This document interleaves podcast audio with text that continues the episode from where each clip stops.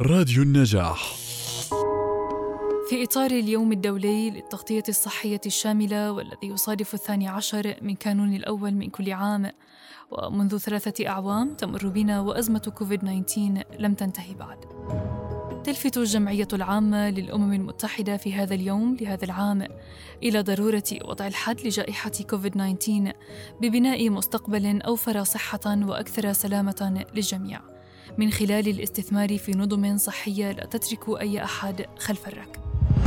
تنظم منظمة الصحة العالمية مؤتمرا صحفيا الأحد الثاني عشر كانون الأول خلال معرض إكسبو 2020 دبي حيث يتم الاحتفال عالميا بهذا اليوم مع منظمات الأمم المتحدة والشركاء في إكسبو دبي كما أن هذا الاحتفال يعد أولوية أساسية للتنمية الدولية تتركز أهداف التنمية المستدامة في مجال التغطية الصحية الشاملة وذلك منذ العام 2015 على تمكين جميع الأشخاص من الوصول إلى الخدمات الصحية الأساسية دون المعاناة من ضائقة مالية.